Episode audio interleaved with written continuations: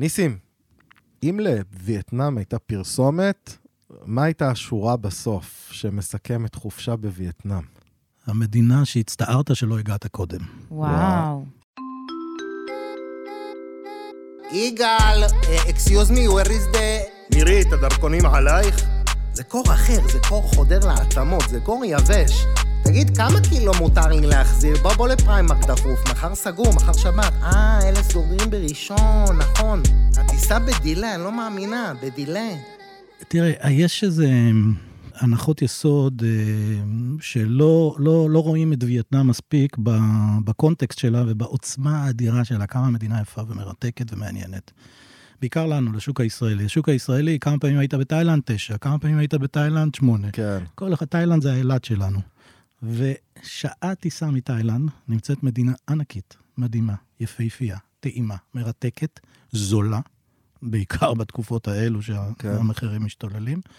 ואתה יודע, אני כבר הרבה שנים בווייטנאם, אני לא מבין איך האנשים לא קולטים שפה ליד יש משהו מדהים הרבה יותר. כאילו, זה הגן עדן של הגן עדן. לגמרי זה הגן עדן, ואתה יודע מה, זה באמת מתחבר למה שגן עדן, כי יש הרבה אסוציאציות על וייטנאם כמלחמה, קונטקסט כן. של מלחמה, סרטים, כן. נכון. אה, אפוקליפסה עכשיו, רמבו, זה.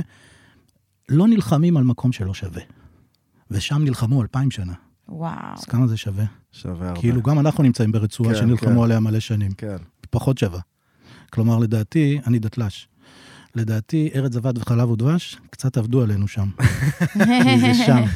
למה לא וייטנאם, הרצל? וואו, קודם כל הוא איש לא? שיווק מטורף, הוא עשה לי חשק לגלות את ה... לגלות את זה. אז לגבי שיווק, תראי, אני 35 שנה עושה מה שאני עושה. משהשתחררתי מהצבא, היום שהשתחררתי מהצבא. הברכה שאפשר לברך לאדם, וזה תודה לאל שבורכתי, שאני עובד במה שאני אוהב. כלומר, אני עסוק בטיולים. והייתי פה בתפקידים מאוד חשובים, עם רכבים כאלו, ליסינג ולוגו וטייטל כן. ומשרד ועובדים. וזה לא שווה את זה. ויתרתי על הכל, כי חזרתי אחורה לבייסיק של ליהנות מהטיול. אני נהנה מההתחלה עכשיו. לספר לכם, זה מה שאני עושה עם המטיילים. ברגע שפונים אליי, הסלוגן שלנו, של וייטנאם 24/7, זה הטיול מתחיל עכשיו. הטיול מתחיל כבר במחקר, בחיפוש, בגירוי. אני אספר לך, את כבר תאהבי את מה שתרצי, ואז החיקיון, אני קורא לזה, ההמתנה כן. לטיול, היא לא פחות כיף. חשובה, בטח, בטח. מת על המילה חיקיון, אתה יודע? ציפייה מחופשה לחופשה. הפורפליי לתיירות הוא הכי כיפי. הכי כיף. וואו. הוא כיף. בחיים לא שמעתי את זה. כן, זה המשחק המקדים. מיינדבלופ. אז עכשיו אנחנו בסוג של... עכשיו אנחנו בסוג של משחק מקדים, ונגיד שלום באופן רשמי לפרק 25 של קונקשן חצי יובל. נכון? כן. או ש... נכון, זה חצי יובל, 25, ויעד מאוד מיוחד היום, וייטנאם, יחד עם ניסים טל, שחי כבר 11 שנים בווייטנאם, וכמו שהזכרת, בעלים של וייטנאם 24/7, אמ, סוכנות אה, טיולים אה, בוטיקית אפילו, אפשר לומר, נכון? מאוד מאוד עטה. אה, אה, בעצם מייעץ ועוזר לאנשים לתכנן את הטיול שלהם, או מלווה אותם, או גם מדריך אותם בפועל, או שיש לך גם אה, מדריכים, אמרת? אנחנו, אנחנו באמת סוכנות הנסיעות הישראלית, לפעמים אני קורא, אבל אנחנו סוכנות בינלאומית בווייטנאם. אה, אני לא מדריך, יש פרויקט אחד שאני מדריך בקטע לאומי, יש קבוצה של צה"ל, המ"פים של צה"ל מגיעים לווייטנאם לטיול למידה על מלחמת וייטנאם. זה טיול שבניתי אותו אה, יחד, כן, עם מפקד אה, המכללה לטקטיקה, שהוא בנה אותו למעשה ואני מלווה, וזה טיול שלכבוד לי ללוות אותו. אה, כל השאר, החוויה לגלות את וייטנאם ולגלות מדינות זה עם האנשים המקומיים. אם אתה לוקח מישהו מכפר סבא, אני מעמק חפר, אני אספר נהדר על עמק חפר, אפילו שאני חי כן. נהדר בווייטנאם. אבל בהנוי מקבל אותך מדריך מהנוי שלי, עם אנגלית נהדרת. והוא מספר לך על החיים שלו. הוא לוקח אותך אליו הביתה, הוא לוקח אותך לסבתא שלו מה הכינה היום. Mm. הוא מראה לך את מערכת היחסים. בסאפה, באחד האזורים היפים ביותר, שזה אזור של הכוח הנשי, בכלל וייטנאם זה מעצמה נשית, אולי ניגע בזה, מקבלת אותך בת השבטים. והיא לבושה כמו שהיא לבושה ביום-יום, הלבוש האתני שלה, והיא מדלגת כאיילה בין הנחלים וההרים, והיא לוקחת אותך לבית עץ שלה ולשדה אה, אה, אה, אורז והשדה תירס. ככה אתה מגלה את המדינה. ההדרכה המקומית היא קריטית, היא חשובה. דרך האנשים עצמם. כן. Okay. אוקיי. במצב, אנחנו גם פועלים בקבוצות, אם זה קבוצות גדולות ומאורגנות, אנחנו שולחים מדריך ישראלי מפה, מדריך אה, מתורגל ומיומן, אבל תמיד תמיד אנחנו מלווים מדריך מקומי, כדי לתת את הפן ואת הנופך המקומי, כי כשאתה בא למקום זר, המארח יספר לך הכי טוב את הסיפור. כן, ברור, דרך העיניים שלו. קח אותי עכשיו, מה אני אגיד? מה? בא לי לטוס לוויינה. יש טיסה הערב, 11.55 בשדה, הרסת לבד, קיבלת משהו לאוויר, אני שואל למקרה ש... אתה טס לשם? מה? הערב אתה טס? לא, יום רביעי, אני סופר את השעות, יום. רביעי, והפעם אני בודק את המסלול דרך קטר.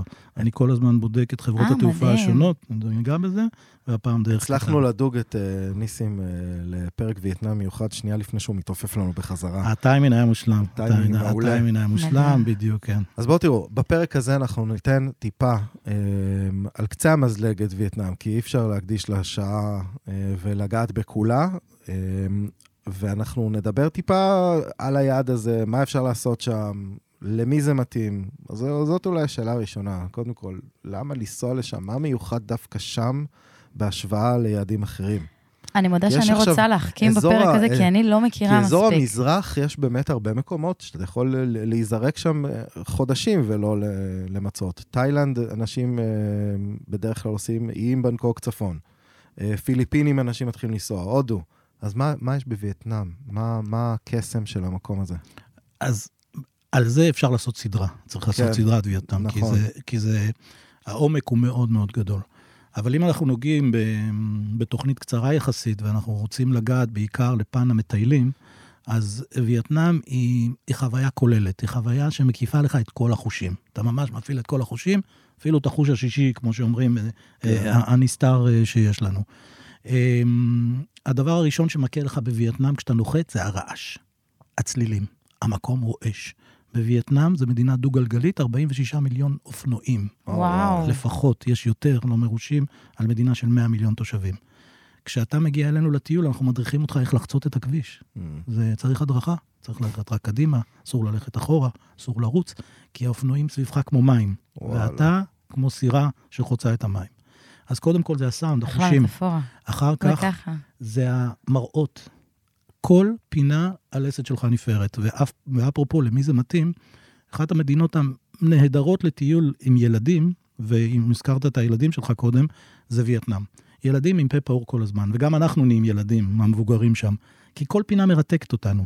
לראות את הווייטנאמית בת 80 רזה, שנושאת מסע בשוק של פירות נהדרים, מנגוסטין או, או אננס מ- מדהים או משהו כזה, עם 80 קילו, והיא שוקלת בערך 35 קילו, והיא מדלגת. עם זה, ועם הכובע המסורתי של... ואתה רואה שהיא בת 80, אתה מרותק. זה דוגמה אחת. או שאתה רואה נשים שסוללות כבישים, או נשים שבונות בניינים, אתה מרותק.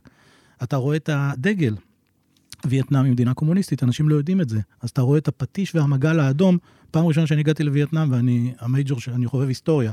אמרתי, רק רגע, באתי לאיזה יום לאומי, למוזיאון כן. והכל. לא, זה הדגל, זו מדינה קומוניסטית, אבל קומוניזם מאוד שונה, קומוניזם מאוד קפיטליסטי.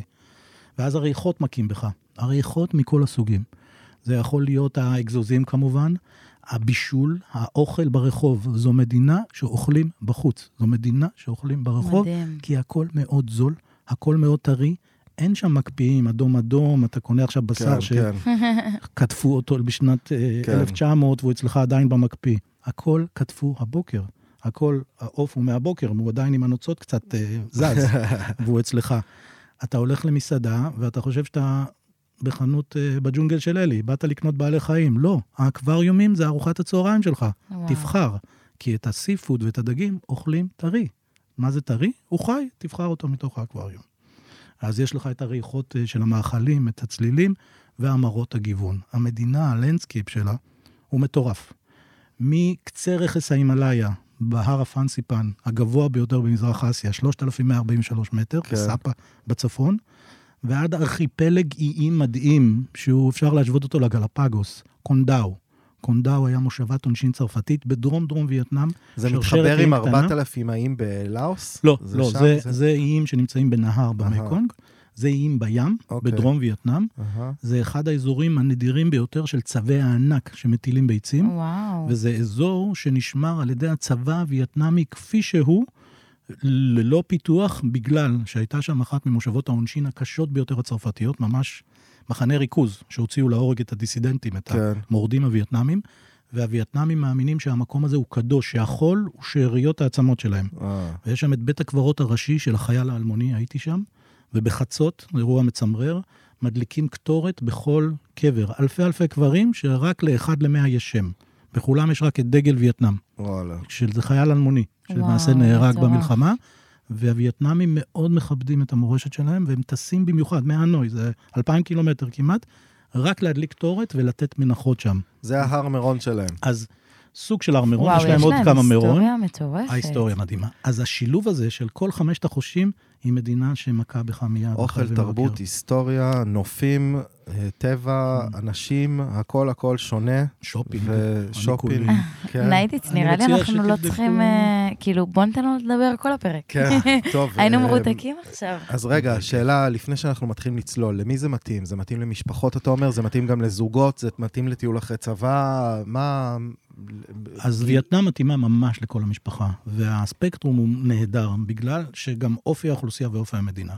קודם כל, משפחות. משפחות עם ילדים קטנים מסתדרים נהדר בווייטנאם, הילדים הם מרותקים, העלויות מאוד זולות להסתובב ביום-יום, כי אנחנו יודעים כמה עולה להסתובב עם ילדים חוץ ביום מהטיסה. חוץ טיול, מה- חוץ מהטיסה, מהטיסה כן. שהיא המשמעותית, אבל מקבלים פיצוי מאוד משמעותי תוך כדי הטיול.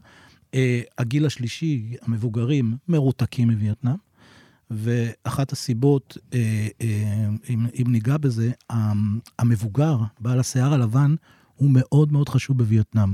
הווייטנאם, הכבוד, השפה היא לפי היררכיית הגיל. ככל שאתה יותר מבוגר, אתה יותר חשוב, עד כדי כך שבדת הווייטנאמית, בסוג של הבודהיזם הזה, אתה עובד את אבותיך. Mm. כלומר, כשסבתא שלך מתה, אתה מתפלל אליה ויש לך מזבח, מזבח וואו. בבית, ואתה שם לה את המלבורו שהיא אהבה ואת הוויסקי שהיא אהבה במזבח. עכשיו, אתה רוצה להסתבך עם סבתא שלך בחיים, שתרדוף אותך כל אחר כך שהיא תמות? נו, אתה לא רוצה, בגלל זה אתה דואג לה טוב מאוד. הבנתי. אז המבוגרים הם מלכים שם, זה נהדר אפילו בשפה. אז זה לחתכים של משפחות מבוגרים נהדרת, ואחרי צבא, החבר'ה של אחרי צבא.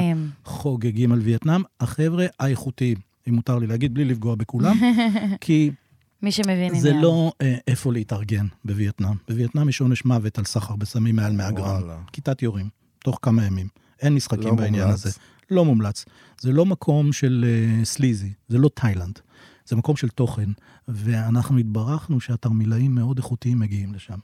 כי חלק מהעניין הזה זה הנופים, הטיולים, הזול, המקום המעניין, המסע. התרמילאים אחרי צבא מאוד אוהבים לעשות מסע, כי זו מדינה ארוכה, ראיתם את וייטנאם, כמו הווייטנאמית, ארוכה כן. וצרה, והנופים שם מאוד מדהימים. וחבר'ה צעירים, האתגר הוא מאוד משמעותי, בעיקר במקומות נהדרים. מפלים בדאלאט, מנהרות, אה, אה, אה, אה, טיפוס, אה, טרקינג, הליכה מרתק, כך שזו מדינה שמאוד אז זה שילוב. קלאסי של אמ, טיול או סיבוב בעיר עצמה, בערים עצמם, במטרופולינים הגדולים, וגם בטבע וטרקים וטיולים, וחווה הכל מהכל. בדיוק. טיול רומנטי לזוגות, ירח דבש, אתה ממליץ? זה, זה פספוס ענק. פה יש פספוס ענק. אני רואה כל הזמן, כי זה המקצוע שלי, וגם מהניסיון, זוגות צעירים שמוציאים עשרות אלפי דולרים. על מקסיקו, קנקון, מלדיבים, מלדיבים. קנקון, כן. ולצאת בחיים מאיזה קומבינת אה, מאפיה. מלדיבים, ש... בלי לפגוע באף מקום, בלי זה. הריזורטים, מלונות הנופש והחופים שיש לנו בווייטנאם, הם מהיפים ביותר בעולם. בווייטנאם יש כמה מלונות Six Senses, שזה למעשה אתר טבע. Six Senses נה טראנג, אחד מאזורי החופים, זה אי שחיים בו קופים שחוטפים לך את הסבון מהמקלחת החיצונית בסוויטה שלך על החוף, כי הסבון הוא על בסיס קוקוס, והם אוהבים וואו. לאכול אותו. ואת צריכה לחטוף מהר את הסבון לפני שהקוף יאכל אותו, הוא פשוט בא אלייך לקחת את זה. אזור קסום. קונדאו, Six Senses. מה זה קסום? בא לי. מטורף, בא לי מטורף. ממש איזה קוף יחטוף לי את הסבון. באמצע... מטורף, לא, אבל זה אני- נשמע כאילו, קודם כל פוטוגני, אקזוטי, כאילו מאוד. מעניין, מלהיב, אתה לא חווה את זה נראה לי ב... מאוד, מאוד, מאוד, מאוד. אני רוצה הפרק להגיד לכם... השני שלנו, אגב, כן. על המזרח הרחוק אה, אחרי תאילנד. אה, אני חושב שמשהו קסום ביד הזה של כן, וייטנאם. במזרח. יש פה קסם שהוא עדיין לא... אה, בתולי. בתולי, תמים, נאיבי, וזה. יישאר כך להרבה זמן, כי ממשלת וייטנאם זו מדינה קומוניסטית. אין אפילו שר תיירות, בכוונה. התיירות היא סגן שר תחת שר הספורט. הספורט והאומנות. כי הספורט והאומנות יותר חשובים. וייטנאם וואו. מדינה שהתעשייה והכלכלה בה גואה בייצור ובתעשייה, והם לא רוצים להיות תאילנד. כי הזכרת את תאילנד, אני אגע טיפה בעניין הזה, הם לא רוצים להיות תאילנד. תאילנד רוויה בתיירות, היא תלויה בתיירות. אה, אני לא יודע אם את הנתונים עכשיו, בנקוק זה העיר, כעיר המתוירת ביותר בשנה זו, מתחילת וואו. השנה. כן. זה רק אומר לכם את המסות. אני הייתי עכשיו פעמיים חודש. כן, וייטנאם, בדיוק, פעמיים, את רואה? באלעל, אז כאילו, אני... כמה פעמים טסה עוד? שבוע ועוד חודש. כמה פעמים היית בכרמיאל בחודש האחרון? פחות מתאילנד. פחות. אוקיי, בדיוק. אז זה, זה תאילנד, זה בדיוק כן. זה תאילנד. ווייטנאם היא לא כזו. אה, בווייטנאם יש הרבה פחות תיירים, יש מגבלה, יש מגבלת ויזה. וייטנאם דורשת ויזה מאנשים. יש סוג של פילטר. גם יש אפילו שאלה לא נעימה, שהם שואלים את תהליך הוויזה, דת, כל מיני, הם נכנסים לפרטים. זה ה- תהליך אבל שאתה צריך לעשות לפני הטיסה. אתה חייב לעשות אותו לפני. ממוחשב כן. הוא... לא, אה, ממוחשב לא לישראלים. ממוחשב זה למדינות השנגן, לגוש היורו, לארצות הברית, יש. רשימה של מדינות ועושים את זה באונליין. ישראלים עדיין לא, כל הזמן נלחמים אז על מה, העניין צריך הזה. ללכת צריך לשגרירות? לפנות, לא, כבר לא. לקחו מהשגרירויות את הסמכות, צריך לפנות לסוכן הנסיעות שלך. אה, כבר וואו. פונים. לניסים טל, פונים לווייטנאם 24/7, סוכנות. הנסיעות הישראלית בווייטנאם, ותוך חמישה ימים אנחנו מנפיקים לכם מכתב ויזה, ועם המכתב הזה גם לא צריך למסור את הדרכון, כי בשגרירות אתה צריך להגיע. כן, אתה נכון. צריך למסור את הדרכון, ואם אתה בנסיעת עסקים, ואם אתה לא יכול, ואם אתה בין טיולים, אצלנו הכל נעשה קיצור, את כל באונליין. האדמיניסטרציה אתה הזאת. מקבל אתם, את זה, אה, בדיוק, אתה רק צריך להגיע ולנחות ולעשות את זה. כך שהמדינה מאוד מתאימה ומאוד ידידותית לטיול לכל המשפחה, ובתהליך אה, מוכן מראש. טוב, בוא ניתן לשירי סקירה בדקה. וואו, אבל אתה מכיר? פותח זו לי סקירה טיימר? בדקה, זה לפתוח טיימר לשירי 60 שניות, היא בדרך כלל לא עומדת ב-60 שניות. לפתוח שעון, שירי. זה 70. רגע, אבל אני צריכה לא להגיד פתחתי שאני אף. פעם לא הייתי בווייטנאם. אבל היית אה, בתאילנד כבר... אה, הייתי. בתאילנד, רק כי אני דיילת גם. לכזה קפיצות. בודקים את כישורי הגוגל שלה. כישורי הגוגל. כן, אז תקן אותי הולך להיות חופשי. טיסות ישירות, אז אה, תהיי דיילת שם. יאללה, לתת לנו בראש. אוקיי, אז אה, ניסים נגע שווייטנאם אה, זו מדינה מטורפת עם נופים ועם היסטוריה ותרבות ומלחמות שהם עברו, עם 100 מיליון תושבים, שזה מטורף, כאילו זה לא נקלט, אה, על המגוון. אה, מבחינת עונה מומלצת, אז ממה שאני קראתי, בדרך כלל אביב, תגיד לי אם אני טועה, אבל גם המזג אוויר משתנה, יש מונסונים, יש גשם שיכול לתפוס אותך, מאוד כזה אקזוטי, מזרח טרופי. לא משהו שעוצר אה, בעדנו להגיע לטייל. נכון מאוד. נראה לי תרחיב על זה, אני אתן לך. נכון. אה, תחבורה ציבורית, אז אה, קל אה, להתנייד בווייטנאם יחסית. יש רכבת, יש אוטובוסים, והכי מפורסם זה אופנועים. בולט אה, נכנס כבר לווייטנאם? גראב, אצלנו זה נקרא גראב, כן. אוקיי, גראב זה האובר של זה זה. בולט. כן. אז אה, מגניב. אז אה, אופנועים, ולא להיתקע בפקקים ולהמשיך. אוכל מקומי, לא צריך לגעת, זה כאילו מזרח, יש הכל מהכל, אבל מה ששמעתי שהכי מייחד את אה, וייטנאם, ואני קצת נחרדתי, תגיד לי אם זה קורה, אם אתה טעמת את זה, לא, לא, לא. אה, ביצה שהיא לא מופרית, ואוכלים את ה... כן. חצי עופרוע, חצי ביצה. שמעת על זה? בא לי זה להקיא. אחד- זה אחד המטעמים המקומיים. אז זהו, אז אומרים הבן שמי שלי אכל שרוצה את זה כי הוא לנסות... אוכל הכל. אוי ואבוי. כן, אבל את יודעת, אנחנו אוכלים את אותו תרנגול במצב אחר, כאילו. נכון, אבל אבל לא יודעת, זה לא מצופה נתפס לי. בפירורי זה לחם ו... זה נקרא- כן, בעלות? כן. כן, בעלות. כן. אז זה ביצת ברווז, מופ... כאילו מופרית, לא מופרית. כן, יש לי תמונה אם בא לך עוד יותר ליגל. אה, אני סתם, עוצר אומרים, אותך עכשיו. לא רואים את זה הרבה, אתה לא רואה. נגמרה אבל הסקירה. בדקה. תודה רבה אומרים שזו לשירי. חוויה קולינרית ייחודית מאוד. אה, ועוד איזה ככה עובדה מגניבה, שווייטנאם היא היצרנית השנייה בעולם לקפה, נכון מאוד. קפה אורז. אה, ויש הרבה הרבה אטרקציות, נראה לי אתה תקבל את הבמה כבר להרחיב. מדהים. טוב, שירי. אהבתם? לא. הפינה בדקה הכי מגעילה שנעשתה מאז אבל טובה, היה תחילת פלואו, הפודקאסט אני אני הזה. מבסוטה על עצמי. ביצת אה, זה. כן, טוב. זה ישר אקזוטי, אתה לא. רואה את זה, זה בביצה, אבל זה די נדיר, כבר פחות רואים את זה. נגעת בקפה, וייטנאם באמת היא יצואנית מהגדולות והשנייה בעולם בקפה. שזה מעניין, כי כאילו הייתי מצפה כל- איטליה... אה, ברזיל. כזה. לגמרי. כן, קולומביה. אירופאי כזה. כל הקפה הישראלי בא מווייטנאם. וואו. כל הקפה. וואלה. אז, אז אנשים לא יודעים את זה, והכי מצחיק זה שאני רואה, חבר'ה, ניסים, מה להביא לך לווייטנאם? להביא לך קפה טורקי? להביא לך אה. אה, נס? אה, הנס, לא, לא, חבר תודה. שלי הוא המשגיח של זה, כן. וזה מיוצר שם, ואנחנו שולחים את זה בווייטנאם. כן, אז, אה, אתה מביא אבל- לי משהו שאני בדיוק, שלחתי שאני- לך. בדיוק, לגמרי, פשוט ארזת את זה באריזות קטנות, כן. והכפלת את המחיר בערך פי 400, וואו. וחבל, חבל. חבל לך על הכסף. ושיווקת את זה לחדרי מורים. בדיוק, לגמרי, לגמרי. אז אה, כן, אבל הקפה שהווייטנאמים שותים הוא שונה, הם אוהבים לשתות את הקפה החזק, הקפה המקומי הוא מאוד מאוד חזק, ויש גם את ההשפעות האירופאיות, כלומר, יש להם שיטת קפה כמו המקינז נטע, כמו אה, של הסינון של הקפה, והקפה הלאומי הוא קפה קר, זה נקרא קפה סודה. זה אה, קפה, טעים. אוקיי? קפה, קפה אנחנו יודעים. כמו אמריקנו. סו זה חלב, אבל אין חלב טרי, או לא היה חלב טרי, היום כבר יש, אז יש חלב מרוכז מאוד מתוק שהצרפתים אוי, הביאו, מכיר. ששופכים את זה פנימה, ודה, דה זה קרח. אז זה קפה עם חלב מרוכז וקרח, טעים. ומקבלים אותו בכוס כזו ארוכה, עם סטיק, ומשקשקים, משקשקים, משקשקים אותו, ואם את צריכה להיות עם עוד טיסה ברצף, ואת רוצה זריקת קפאין, זה זה, זה. חבל על וואו. הזמן. נגעת לא צריך בטיסה. ריטלין, יש קפה. בואו נתחיל לתכנן את הטיסה הזאת. אבל רק להשלים את העניין, זה לא רק קפה, זה תה, והבאתי פה משהו די. מגליש. כן. וייטנאם היא אה, יצואנית התה ויצרנית התה המדהימה, וזה הסל... אה, גם קפה וגם תה, ממש תה, לקחו את. כל זה התחומים. אימפריה של תה, כן, וזה הסל של קוטפות התה. אתם וואו. רואים? זה סל לנערות וייטנאמיות. את מתארת לעצמך את הכת- את הכתפיים, הן שמות את זה על הגב, ולפני עלות השחר, הן מסתובבות במטעי התה וקוטפות את העלים וזורקות את זה אחורה. אליהם בעדינות.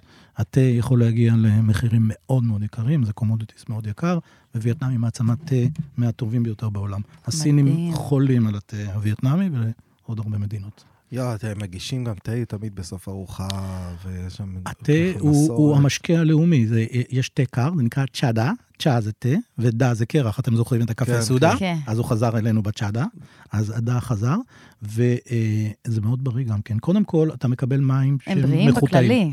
מאוד. קודם כל, אתה מקבל מים שעברו הרתחה. כלומר, יש חשש לאנשים לשתות, לא לשתות, קיבלת מים שהורתחו, ושמו בהם קרח והם אה, כן. קרים. דבר שני, זה התה הירוק, התה שנקטף. תחשוב מה המרכיבים שיש בתה הזה, כמה הצמח הזה קדום וכמה הוא בריא, זה לא התה בשקית שאנחנו מקבלים כן. שכבר חיסלו אותו פעם, כן. והקרינו עליו אה, קרינה רדיואקטיבית. אז זה, ועובדה מוכחת הוא שהוא מאוד עוזר למערכת אה, הכליות אה, ומערכת השתן. מדהים. טוב, חסכת. לנו את השאלות האלה בפרק הקולינרי שלנו. אני. אצטרף גם לפרק הזה. לא, חכה, לא. הגענו כן. לאוכל. בואו נדבר על... כן. אנחנו רוצים להתחיל לתכנן חופשה בווייטנאם, בואו נתקתק כן. את הפרק, אנחנו מדברים על טיסה. בואו כן. נדבר על הטיסה רגע. כל אז מה- מה הפרטים אנחנו צריכים. לדעת? אז אה, אנחנו, אה, יש לנו בשורות טובות מאז הסכמי אברהם. קודם כן. כל נפתח לנו ציר נהדר דרך האמירויות, לא? מעל ערב הסעודית, הטיסה כן. הזאתי, וזה קיצר לנו, זה עשה שני דברים נהדרים. קודם כל זה קיצר את הטיסה בכשעתיים וחצי. אז עשר שעות הטיסה- כזה עכשיו? ב- לדובאי זה שעתיים חמישים, שעתיים וחצי, תלוי איזה מטוס טסה, ומדובאי לסייגון זה שבע שעות ועשר דקות. כלומר, זה קצת פורטוגל פלוס. בקטנה. זו טיסה, בדיוק, זו. טיסה נסבלת לחלוטין, וזה הכניס למשחק הישראלי חברות תעופה מדהימות, אה, אה, אמירייטס, אה, קטר, אה, גולף, מהחברות הטובות ביותר בעולם, שהן כן. נגישות ונהדרות. חבל שאלה לא טסים. אה, אך- אז עכשיו, בדיוק עכשיו... אה, מדברים על זה. מדברים על זה, ואני מקווה שיהיה news בעניין הזה. עכשיו מדברים על טיסות ישירות. כמה עולה אז טיסה כזאת, אה, גם אם... אבל עוד דבר אחד, גם הטיסה הזאת היא בטוחה, יש לנו כולנו, חצי מאיתנו יוצא צבא, אז הטיסה הזאת היא לא עוברת מעל איראן או אפגניסטן, כמו הטיסות כמו טורקיש, או אממ. שגם טורקיש מגיע, אלא היא עוברת מעל Andaman Sea, הודו, תאילנד, וזה מסלול שהוא מאוד בטוח אוקיי. לטיסה לישראלים. הטיסות, תראה, הטיסות, אה, הטיסות היום הן סביב הסדר גודל של ה-1,100-1,200 דולר. הטיסות לפני הקורונה, כמובן, יש לנו את ההשפעה של הקורונה על המחירים. כן. אין מה. לעשות. יצא לנו שחקן מרכזי של טיסות שהוריד את המחירים כלפי מטה, אירופלוט. הרוסים היו טסים הרבה לקו הזה, כולם במילואים עכשיו, עסוקים. Mm, כן. אז, אה, אז, אז הם חסרים על הקו הזה בסמן הזול. אבל עדיין, יש עדיין מחירים טובים דרך טורקיש איירליין, שהיא חברה נהדרת, אמירייטס, אל על דרך בנקוק. מה זה כאילו. מחיר טוב? 800? מחיר טוב זה סביב ה-900. מחיר 900. טוב זה סביב ה-900 אלף, אה, אבל אנחנו רואים כבר את המגמה, ואתה אמרת שחוגגים 25, כן? כן. אז אנחנו חוגגים היום 30 שנה ליחסים הדיפלומטיים בין וייטנאם לישראל. אוי, וואו. ממש עכשיו, ב-20 לחודש, שר הכלכלה ברקת מגיע לחתימה על הסכם סחר מיוחד, הסכם טקס פרי, בין וייטנאם לישראל, והאירוע הזה יביא באמת את הטיסות הישירות. אחת מההחלטות היא הטיסות הישירות. הקורונה גם הביאה עוד ברכה בעניין הזה, שווייטנאמר, החברה הלאומית הווייטנאמית, טסה לישראל בקו ישיר, אז הם כבר מכירים את המסלול, והיו פה נחיתות אה, בקורונה, הם הביאו לפה סטודנטים, יש פה סטודנטים לחקלאות בערבה, אה, קיבלו מדהים. חיסונים, הסחר עם וייטנאם הוא עצום, הוא גדל במכפלות, אז אה, אנחנו בדרך גם לטיסות ישירות, והטיסות הישירות יוזילו, אבל למטייל הנבון ולמאזין הנבון, שידע, ברגע שיש טיסות ישירות, המחירים יעלו. ברור. מחירי שירותי קרקע, ראיתם מה קרה בתאילנד. יש טיסות ישירות, כולם שם פעמיים בחודש, כן. המחירים הרבה יותר יקרים. אז זה הזמן, לא לחכות. תגיד, מט- מתי להגיע? מטורף כאילו מתי- שהוא... מתי להגיע? אני רק אגיד משהו, מטורף שהוא כאילו אה, בתיירות, אבל הוא נותן ומרחיב אופקים, כאילו... כן, אנחנו... יש אה, פה ידע על וייטנאם, ו- וזה... בסוף לא היה לנו זמן לדבר על וייטנאם עצמה. כן, אז כן, אה, אז בואו נדבר. יאללה. מתי צריך להגיע אז- לשם? לי אז מעניין, שירי- לא יודעת. שירי טיפה אז הזכירה. עונות המעבר הן הכי טובות. למה? כן. וייטנאם מדינה ארוכה, וזה עוד יתרון גדול שלה, בגלל שהיא ארוכה, יש שני. אזורי מזגי אוויר. עד מרכז וייטנאם, אזור הוי אן, דנאנג, זה אזור טרופי, כמו תאילנד. חם כל השנה, יבש או רטוב. כן. עונת היובש היא אה, אה, אה, מאוקטובר, סוף אוקטובר, ועד מאי לא יורדים גשמים, ממאי עד אוקטובר יורדים דומה גשמים. לתאילנד. כן, כן. זה אזור טרופי לחלוטין, אבל כמות המשקעים היא נמוכה יותר. הזכרתם מונסונים, טייפונים, זה לא קיים בווייטנאם. יש סופות בווייטנאם שהן באות והן 24 שעות סופה. היא נעלמת, בעיקר בצפון, מהמם. אה, באזור מפרץ טונקין. הצפון, ממרכז וייטנאם וצפונה, ארבע עונות כמו ישראל, חורף, קיץ, סתיו, אביב. עכשיו חם ולח, אבל אפשר לטייל בכיף. למה? כי יש לנו אזור הררי גבוה, או אזור קריר, האזור של סאפה. כן. עולים ל-2,000 מטר, 2,600 מטר, 3,000 מטר. צריך ג'קט, צריך מעיל לקנות אצלנו, יוניקלו אצלנו, כן. קולומביה אצלנו, הכל מיוצר אצלנו, זה ברחוב שם ב- ב- בעיירות. אה, יוניקלו שם זה... כולה, כן, כולה. דרך. אגב, תלך לארון הבגדים שלך, 90% זה made in Vietnam. כל נייק, כל אדידס, אה, אה, לואי ויטון, אבל דולצ'ה וגבאנה. נותן את המחירים הטובים במדינת ה- אז זהו. המקור? אז תראה, יש כמה דברים. קודם איך כל, דילגנו לקניות פתאום? לא, קודם כל המיסים נמוכים. דבר שני, החיקויים מאוד טובים, כי זה אותם אנשים מייצרים וזה כן. אותם בדים, אז אתה קונה חיקויים אה, מאוד מאוד מדהים. זולים. ויש גם עוד ככה, בינינו, שאף אחד לא ישמע, אני אגיד לכם, יש משהו שנקרא אצלנו עף מהמשאית. כאילו, אני לבוש עף מהמשאית, אני רוצה נעל קולומביה שעולה 900 שקל, ואני אומר לחבר שלי, יש במקרה את הנעל הזאת, ובמקרה למחרת היא מגיעה במידה 43 וחצי, Mm. ואה, ניסים, במקרה יש לי את זה וזה 200 שקל. אז זה, זה היתרון שאפשר להגיע לדברים. מדהים. אז, אה, אז להגיע, אבל אפשר לטייל כל השנה בווייטנאם.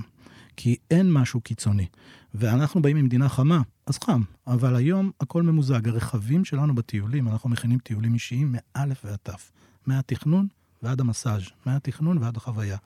וחלק מהעניין זה כשאתה נוחת בשדה התעופה, מקבל אותך רכב גדול, מרווח, ממוזג, עם וי-פיי, עם כן, אינטרנט, אתה עם מים קרים. אז הפסק זמן הזה הוא נהדר, גם כל המלונות ממוזגים, הקניונים מזוגים, והרבה מים, זו מדינה של מים. אתה הולך לחוף, אתה הולך לנהר, אתה... בטח. כל הזמן יש לך מגע, כי זה מדינה של יערות. זו אז מדינה אתה אומר, טרופית. הדרך המושלמת לחוות את וייטנאם, אם אתה עושה את הטיול, אה, אז ברור, עם נהג והכל, זה הקלאסי, אבל עצמאית, אפשר? מה, אוטובוס, כן, אה, תראה- רכבות, מה, איך עושים את זה לבד? רכב? המציאות אה, אה, דורשת אה, להתאים את עצמך למ- למטייל העצמאי. הישראלים בעיקר, והרבה אנשים רוצים לטייל מטייל עצמאי. קודם כל, אני רוצה להגיד כמה דברים למה לא לטייל עצמאית. לווייטנאם לא תגיע כמו ליוון. לווייטנאם לא תגיע כמו לתאילנד. זה טיול סינגולרי, מקסימום פעמיים אתה מטייל אינטליגנטי. נכון. עכשיו, אתה מגיע לכמה? הטיול המומלץ הוא 12 יום. זה הבסיס, 12 יום, ואם יש לך יותר אז נהדר. עכשיו, מדינה ענקית, 12 יום, שילמת 1,200 דולר לטיסה, אוקיי? אתה רוצה לבזבז את הזמן שלך? אתה רוצה להיות ליד מקום מדהים ואתה 200 מטר ממנו ואין לך מושג כי הם לא מדברים אנגלית, או כי אתה לא יודע ואתה לא יודע איך התחבורה? הטיול המומלץ בווייטנאם הוא לתכנן אותו מראש. לא מחכים לך. הצרפתים מתים על וייטנאם, האמריקאים מתים על וייטנאם, הקוריאנים והיפנים חולים על וייטנאם ושופכים כספים, הם אוהבים לאכול שם. אז צריך לתכנן מראש, ותזמין את הטיול שלך מתוכנן אצל איש מקצוע. זה מאוד חשוב. אבל יש את המטייל העצמאי, בעיקר אחרי דיברנו על החבר'ה התרמילאים וכולי, ואפשר להתנייד בהחלט באופן עצמאי. גם דיברנו, אין להם לחץ זמן כל כך. מי שאין לו לחץ זמן, הוויזה יכולה להיות עד 30 יום, אוקיי. עוד מעט יכול להיות, גם יפתחו לנו ב-15 אה, זהו, לחודש. מקסימום 30 יום? כן, כרגע. חודש. כרגע, היה לנו לפני הקורונה שלושה חודשים, וזה הולך להיפתח. ב-15 לחודש, Mm. שבוע הבא כנראה, אני אצא ב... תוכלו לראות באתר האינטרנט שלנו, בפייסבוק שלנו, וייטנאם 24/7, את ההודעה הרשמית על תהליך הוויזה לשלושה חודשים. מדהים. שזה תענוג ונהדר, ואז אפשר לזגזג בטיולים שלנו. כלומר, אפשר לבוא לווייטנאם, לצאת ללאוס, לעבור לקמבודיה, כן, לחזור לווייטנאם. ולתכנן את הטיסות, ווייטנאם היא נהדרת בעניין הזה. אז למי שהזמן שלו, אה, הוא בא לטיול של 12 יום, 14 יום, צריך לתכנן אותו מראש ורצוי, ואז אנחנו עושים טיול אישי. מחכה לך רכב בכל שדה תעופה, בטיול כזה יש שתי טיסות פנים, וייטנאם ענקית. הנוי, סייגון זה כמעט אה, אה, תל אביב ואתונה. כלומר, אתה רוצה לנצל את הזמן היטב. זה שעתיים, אה, שעתיים זה טיסה. שעתיים טיסה, זה שעתיים טיסה. מצפון לדרום. מצפון לדרום, משתי כן. הערים. אה, זה. לא זה נורא. לא נשמע כזה... לא, לא, תל לא. אביב אילת. ל- אה, כן. ה- הטיסת ביניים במהלך הטיול היא שעה באמת, כי המסלול הטיול מתחיל בדרך כלל בצפון, נוחתים בהנוי, מהנוי מטיילים לפלאי העולם בווייטנאם, וזה פלאי עולם.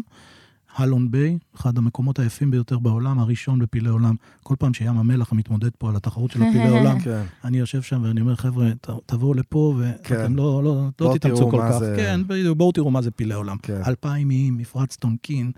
אה, הקדוש ברוך הוא פשוט פיזר שם את אחד המקומות היפים בעולם. ואז אותנו הוא פיזר בארץ. בדיוק, במדבר, כן. במדבר. אבל גם מדבר יפה. אה, ומשם לטייל לסאפה, האזור ההררי היפה של הקבוצות האתניות בווייטנאם, ניגע בזה אם תרצו.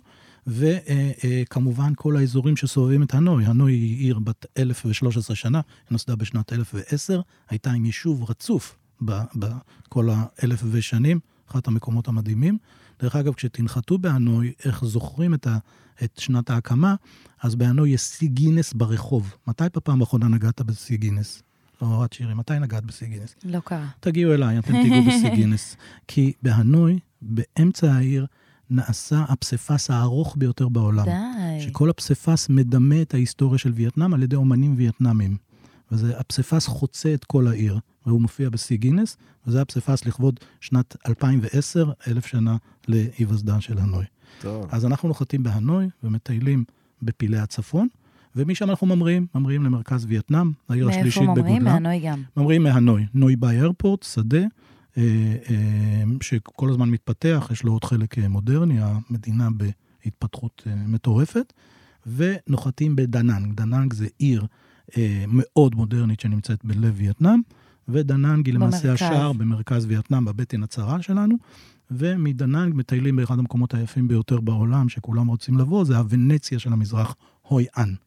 הוי אן, אתה חייב להיות בהויאן, אתה חייב לתפור לעצמך כובע, סנדל, נעל, ואת חייבת איזה שמלה ככה יפה, סקסית לה. כן, שם שם. תופרים. אה, בירת אישית, התפירה כן. העולמית. כן? בירת הצ- בירת התפירה, רגע, וואו. אנחנו רצים, אני רוצה לסגור עוד קצת את האדמיניסטרציה. נשאר לנו אה, כסף, עולמות של כסף. אה, כמה כסף אה, אנחנו צריכים להיערך עם חופש, לחופשה כזאת? אני הסוכן נסיעות היחיד שעושה אותך מיליונר ברגע שאתם מגיעים, ולא בצחוק. כשאתם ממירים 100 דולר בנחיתה, אתם מקבלים 2.3 מיליון, אוקיי? וואו.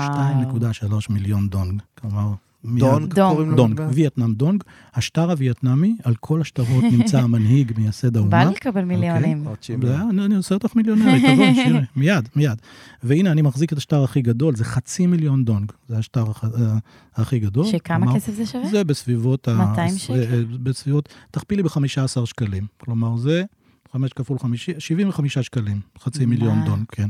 לשטר הזה יש כוח, לשטר הזה את אוכלת, את שותה, אה, בירה שקל, קולה שקל, מים. שקל, אננס שקל, קוקוס שני שקלים. הרבה יותר זול מתאילנד. הרבה יותר זול. זה בדיוק העניין, הרבה הרבה יותר זול מתאילנד, אז והרחוב תן לי, עדיין תן לי זול. סכום, כמה, אז כמה טיול, אני... טיול משפחתי, אם אנחנו עושים טיול משפחתי של 12 יום, פיין, fine, אני מדבר על מלונות מערביים איכותיים, מיקומים מרכזיים, רכב, נהג, מדריך, שייט עם לינה בהלון ביי, באחד מפלאי עולם בספינת מלון נהדרת, הסדר גודל זה 1,700 דולר לאדם, משהו כזה, 1,600 דולר לאדם. למשפחה של ארבע. נפשות. ה-value for money הוא מדהים, זה בדיוק מה שאני אומר. אבל זה ב- בנטרול מחיר הטיסה.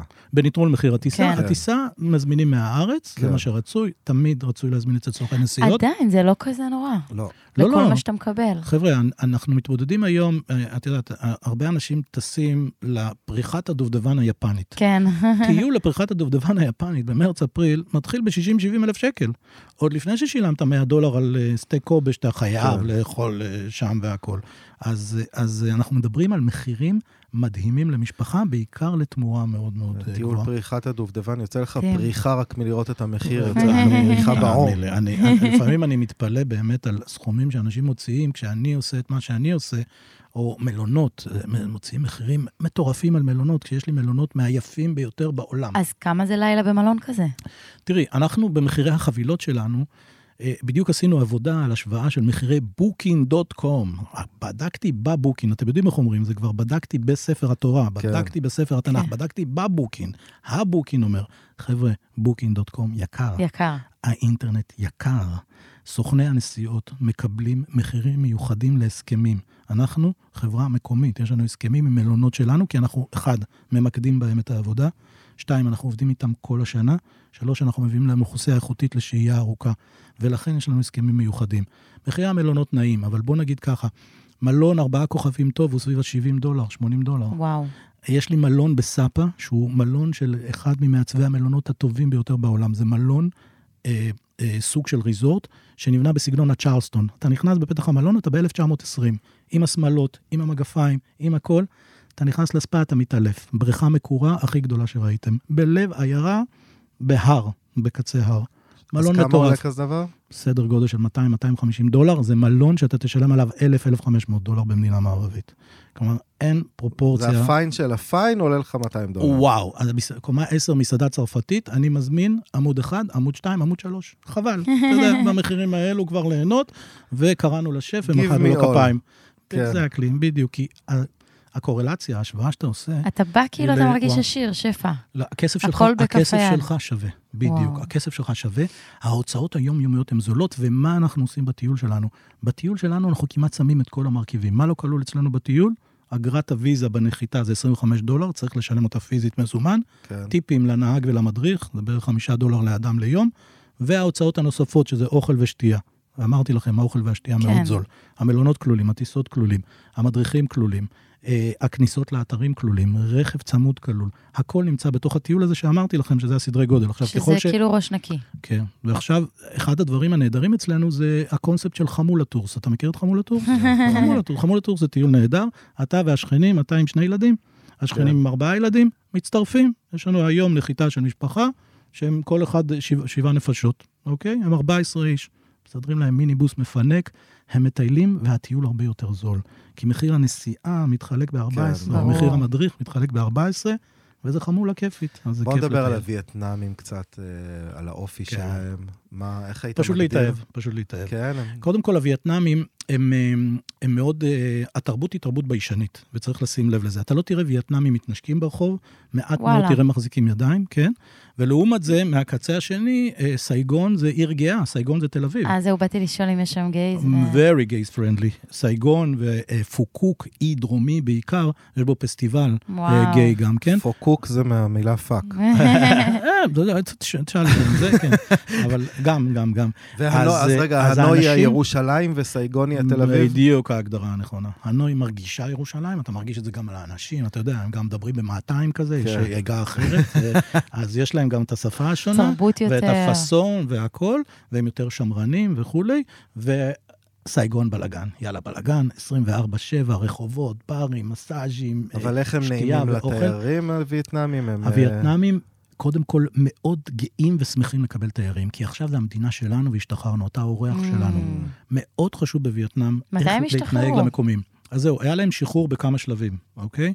ב-1946, המנהיג, המנהיג, אה, מי שנמצא פה על כל התמונות והשטרות, הו צ'י מין, הו צ'י מין זה לא השם וואו. המקורי שלו, אלא הו צ'י מין זה הנאור, The Enlightenment. זה שם שהוא אה, אה, אה, אימץ לעצמו. שחרר מהצרפתים? כן, שחרר מהצרפתים, אבל אחר כך אה, היה סיבוך בעלילה, CIA אמר, היי חבר'ה, אנחנו, צרפתים יצאו, אנחנו רוצים, והאמריקאים חמדו את uh, וייטנאם. Uh, בקטע מאוד, uh, מאוד uh, פסיכי ומיותר של חשש שהעולם הופך להיות קומוניסטי, uh, תיאוריית הדומינו של מקארתי שהיה בזמנו, שאמר המדינות יפלו כמו דומינו בידי הבולשיביקים הרוסים, סטלין בדרך לקונטיקט ווייטנאם בדרך. נפתחה מלחמה נוראית בהונאה שהתחילה במפרץ טונקין, מיותרת לחלוטין. מיליוני נפגעים, הרוגים. שזה מלא סרטים. לגמרי, לגמרי. הסרטים, את יודעת, שמעון פרס אמר, אה, המנצח כותב את ההיסטוריה. אז זה שונה הסרטים שאת רואה במערב, לעומת המוזיאונים שאת תהיי בווייטנאם ותראי את זה, כן. אבל מלחמה לחלוטין מיותרת. אז לשאלה שלך, ב-1946 הו צ'י מין הכריז על העצמאות מהצרפתים בכיכר בדין. אני לא יודע למה אנחנו מאבדים עכשיו מאזינים בשלב הזה בפודקאסט. כאילו, דווקא מעניין אותי, איזה באסה. אז תקראי את זה לא. בגוגל, תקראו על זה בגוגל. אני אבוא, אני אבוא לשמוע. ושירי, אותך אני אקבל בווייטנאם, אוקיי? הנה, קיבלת עכשיו אה, זה, ואז אני אעשה לך ברית. כן, אנחנו נסחפנו פה, אני רוצה רגע... אז יש לנו שני ימי עצמאות, ראשון בספטמבר, 30 באפריל. שזה חגיגות גדולות. כיף, כיף. שורה תחתונה, המקומיים. כן. אז המקומיים. חביבים לתייר. מאוד חביבים, מאוד איך מקסימים. האנגלית שלהם? גרועה מאוד. גרועה מאוד, זה חלק מהעניין שצריך מדריך, מאוד מאוד גרועה. אתה, גם הוא חושב שהוא מדבר אנגלית, Mm. אבל אתה לא מבין שום דבר. אז מאוד גרועה גם במבטא. אה, אה, חשוב מאוד ההתנהגות שלנו, בעיקר אנחנו הישראלים, ואני מבקש החוקים? מכל המאזינים. הנימוס, מילות הנימוס בווייטנאם, הם לא המלצה, הם דרישה והם חובה. כשאתה לא אומר לבן אדם, Thank you, please, sorry, זה כאילו קיללת אותו. זה כאילו תקפת אותו, לא עשית משהו, אלא פעלת, עשית פעולה שלילית. אז בוא נשמע את וזה המילים. איך אסור. אומרים. אז למשל, אתה מגיע לווייטנאם, אתה אומר סין צ'או. סין. סין כמו סין, צ'או כמו באיטליה. כן. שלום, סין צ'או. סין צ'או. סין צ'או. סין צ'או, צ'או. ובקול רם, סין צ'או, שישמעו, הם אנשים קולניים, זה אין בלא להתבייש. כן. אז בקול רם. אתה רוצה להגיד תודה, אז תודה זה כמו מהר באנגלית, כאילו אתה מזרם מישהו, come on, come on, אה, come וואלה. on come זה on. תודה? כן, come on. come on, come ואם את רוצה. להגיד תודה רבה, כי את מבסוטית מהמנגו שקיבלת עכשיו והאננס, כן. אז זה סין כמאן. סין כמאן. תודה רבה. סין כמאן. כן, כן. ואם אתם רוצים להפיל אותם על הרצפה מצחוק ולהפתיע אותם, כי שמענו את הפודקאסט, כן. ואנחנו מוכנים, אוקיי? אז הם, הם די פולנים ויידיש כזה, אז יש להם את האוי ויי שלהם. אה, ואם אתה אומר את האוי ויי בקול, זהו, שברת את הקרח. יש שני אוי ויי, לצפון ולדרום. בדרום זה אוי צ'וי אוי, אוי צ'ו. אוי צ'וי אוי. תתחילו עם האוי צ'וי אוי. אבל מה, אז באיזה. קטע אני אומר את זה? כל דבר. ראית, הוא אמר לך מחיר מופקע, אוי אוי צ'וי אוי. אוי. ראית בחורה יפה, אוי אוי צ'וי אוי. אה, אה, ה- הרחוב עמוס ואתה על המונית אופנוע, אוי אוי צ'וי. צ'וי כאילו אוי. זה איזה בלאגן. בדיוק, איזה בלאגן, כן. התפעלות, אוי ויי, אוי ויי, אבל שמח, זה הכל הכל. ובצפון, מה שצ'ו זה זו, אוי זוי, אוי, אוי זוי אוי. אוי. אוי זוי, זוי, אוי. אוי, כאילו, אה, אה, הצפון, מדגישים הוואי גם את הוא. זי, הוא סוג של זי, זה ג'י, בדיוק, אז אה, אז, אה, אז זה זוי אוי ולא צ'וי אוי. וכולי. אז ככה אתה שובר את הקרח, האנשים מאוד מקסימים, מאוד סימפטיים ומאוד מסבירי פנים. בעיקר, בעיקר הסברתי לכם, הכבוד למבוגר, והם מאוד אוהבים ילדים גם. מרגיש יש לי שזה כאילו אה, הכי הפוך מאיתנו. זה כן. צריך ללמוד את כאילו הניואנסים. את זה גלקסיה נכון. אחרת. יש לגמרי. דברים שאסור לגמרי. לעשות, נגיד בתאילנד אסור לגעת בראש למישהו. אז זה אותו דבר, זה פחות או יותר אותו דבר, אבל אל תשכח שפה זו מדינה קומוניסטית שהחיבור לדת הוא סבבה. אתה יודע, תבוא, תפלל, כן, תזה. כן. זה לא, אין את המלך שהוא האלוהים, ואוי ואבוי אם אתה תגיד, תדבר על המלך, אתה כן. בצרות, לא נזכיר את זה עכשיו, לא נסתבך, מישהו יתרגם את זה. אז אה, אה, שם, שם לא. לא לדבר על המנהיג, כאילו, על המנהיג לכבד, אז מה לא לעשות? חייבים לכבד את הדגל, חייבים לכבד את המטבע, כל דבר שקשור למנהיג, לאות שימין, למוסדות המדינה, חייבים לכבד אותם. אסור to slander, או אסור לפגוע או לקרוע, כן. או משהו כזה. מבחינת המגע האישי, הם לא אנשים של מגע, מגע פיזי. זה כלומר, הם נבוכים, זה יותר מתוך ביישנות כן. וכולי. אסור להצביע באצבע, כי זה סוג של אטבח, ככה הורגים את החזיר. אז אם אתה רוצה אה. להצביע, אז עם כף יד פתוחה. זו הצורה המכובדת. ולחיצת היד. בלחיצת היד אתה לוחץ למעשה עם שני הידיים. היד הימנית לוחצת, אוקיי? והיד השמאלית נוגעת במרפק. אוקיי? כשאתה. לוחץ יד. כי זה, זה משהו היסטורי שכנראה קשור לעניין, שהנה, אני לא מסתיר דבר. היד שלי לא מאחור, אני לא אוחז אה. בחרב אה, או בסכין, מעניין. אלא אני מציג לפניך שתי, את שתי ידיי ואני אה, מכבד, זו הצורה המכבדת בעניין הזה. כמובן, גם קידה, אבל זה לא קידה יפנית, זה לא הקידה של דרגות וכולי, אבל בהנהון וכולי. ומאוד מאוד חשוב להקשיב. זה אחת התכונות הפחות טובות אצלנו בישראל. אה, הווייטנאמים מנהלים דיאלוג, אוקיי? וחשוב לו שתקשיב לו כשאתה מדבר איתו, אוקיי? כן. ולא לקטוע אותו. זה... ואנחנו רצים, רצים, רצים, ואנחנו לא מכירים את זה. אז, כללים בסיסיים, מילות נימוס חובה מיד עם הנחיתה, להתאמן. סין Thank צ'או. you, sorry, סין צ'או, come on, סין Come come on. אוקיי, סין כן. לוי, סליחה? סין לוי, סין לוי. לא בושה להגיד, יקבלו אתכם הרבה יותר טוב. יקבלו אתכם ברמה כזאת שווייטנאמי ברחוב על השרפרף, בוא אחי, שתה איתי בירה. הוא ידע, הוא לא ידע. אתה לא תבין מילה, אבל אתה תשתה איתו ותשמח איתו ויזמין אותך לארוחה במקום עושה ברחוב. אותו לחיים עם איזה אוי זוי אוי כזה קטן. אה, עכשיו אמרת חשוב, אמרת לחיים. הלחיים זה דבר בסיסי בכל יום, בכל אירוע. איך הם עושים לחיים אצלנו? כן. זה חוויה וזה עוד משהו שצריך ללמוד. הלחיים סופרים, אוקיי? סופרים 1, 2, 3 וצועקים. לוקחים את הכוס, לחיים עושים רק על אלכוהול, חבר'ה, לא כן. להסתכן במים ובמיץ תפוזים, כמו שצריך. מות היי בה יו. צועקים. הופה. מות וואו. היי בה יו. אין מצב שאני אצליח זה לבטא את בדרום. זה.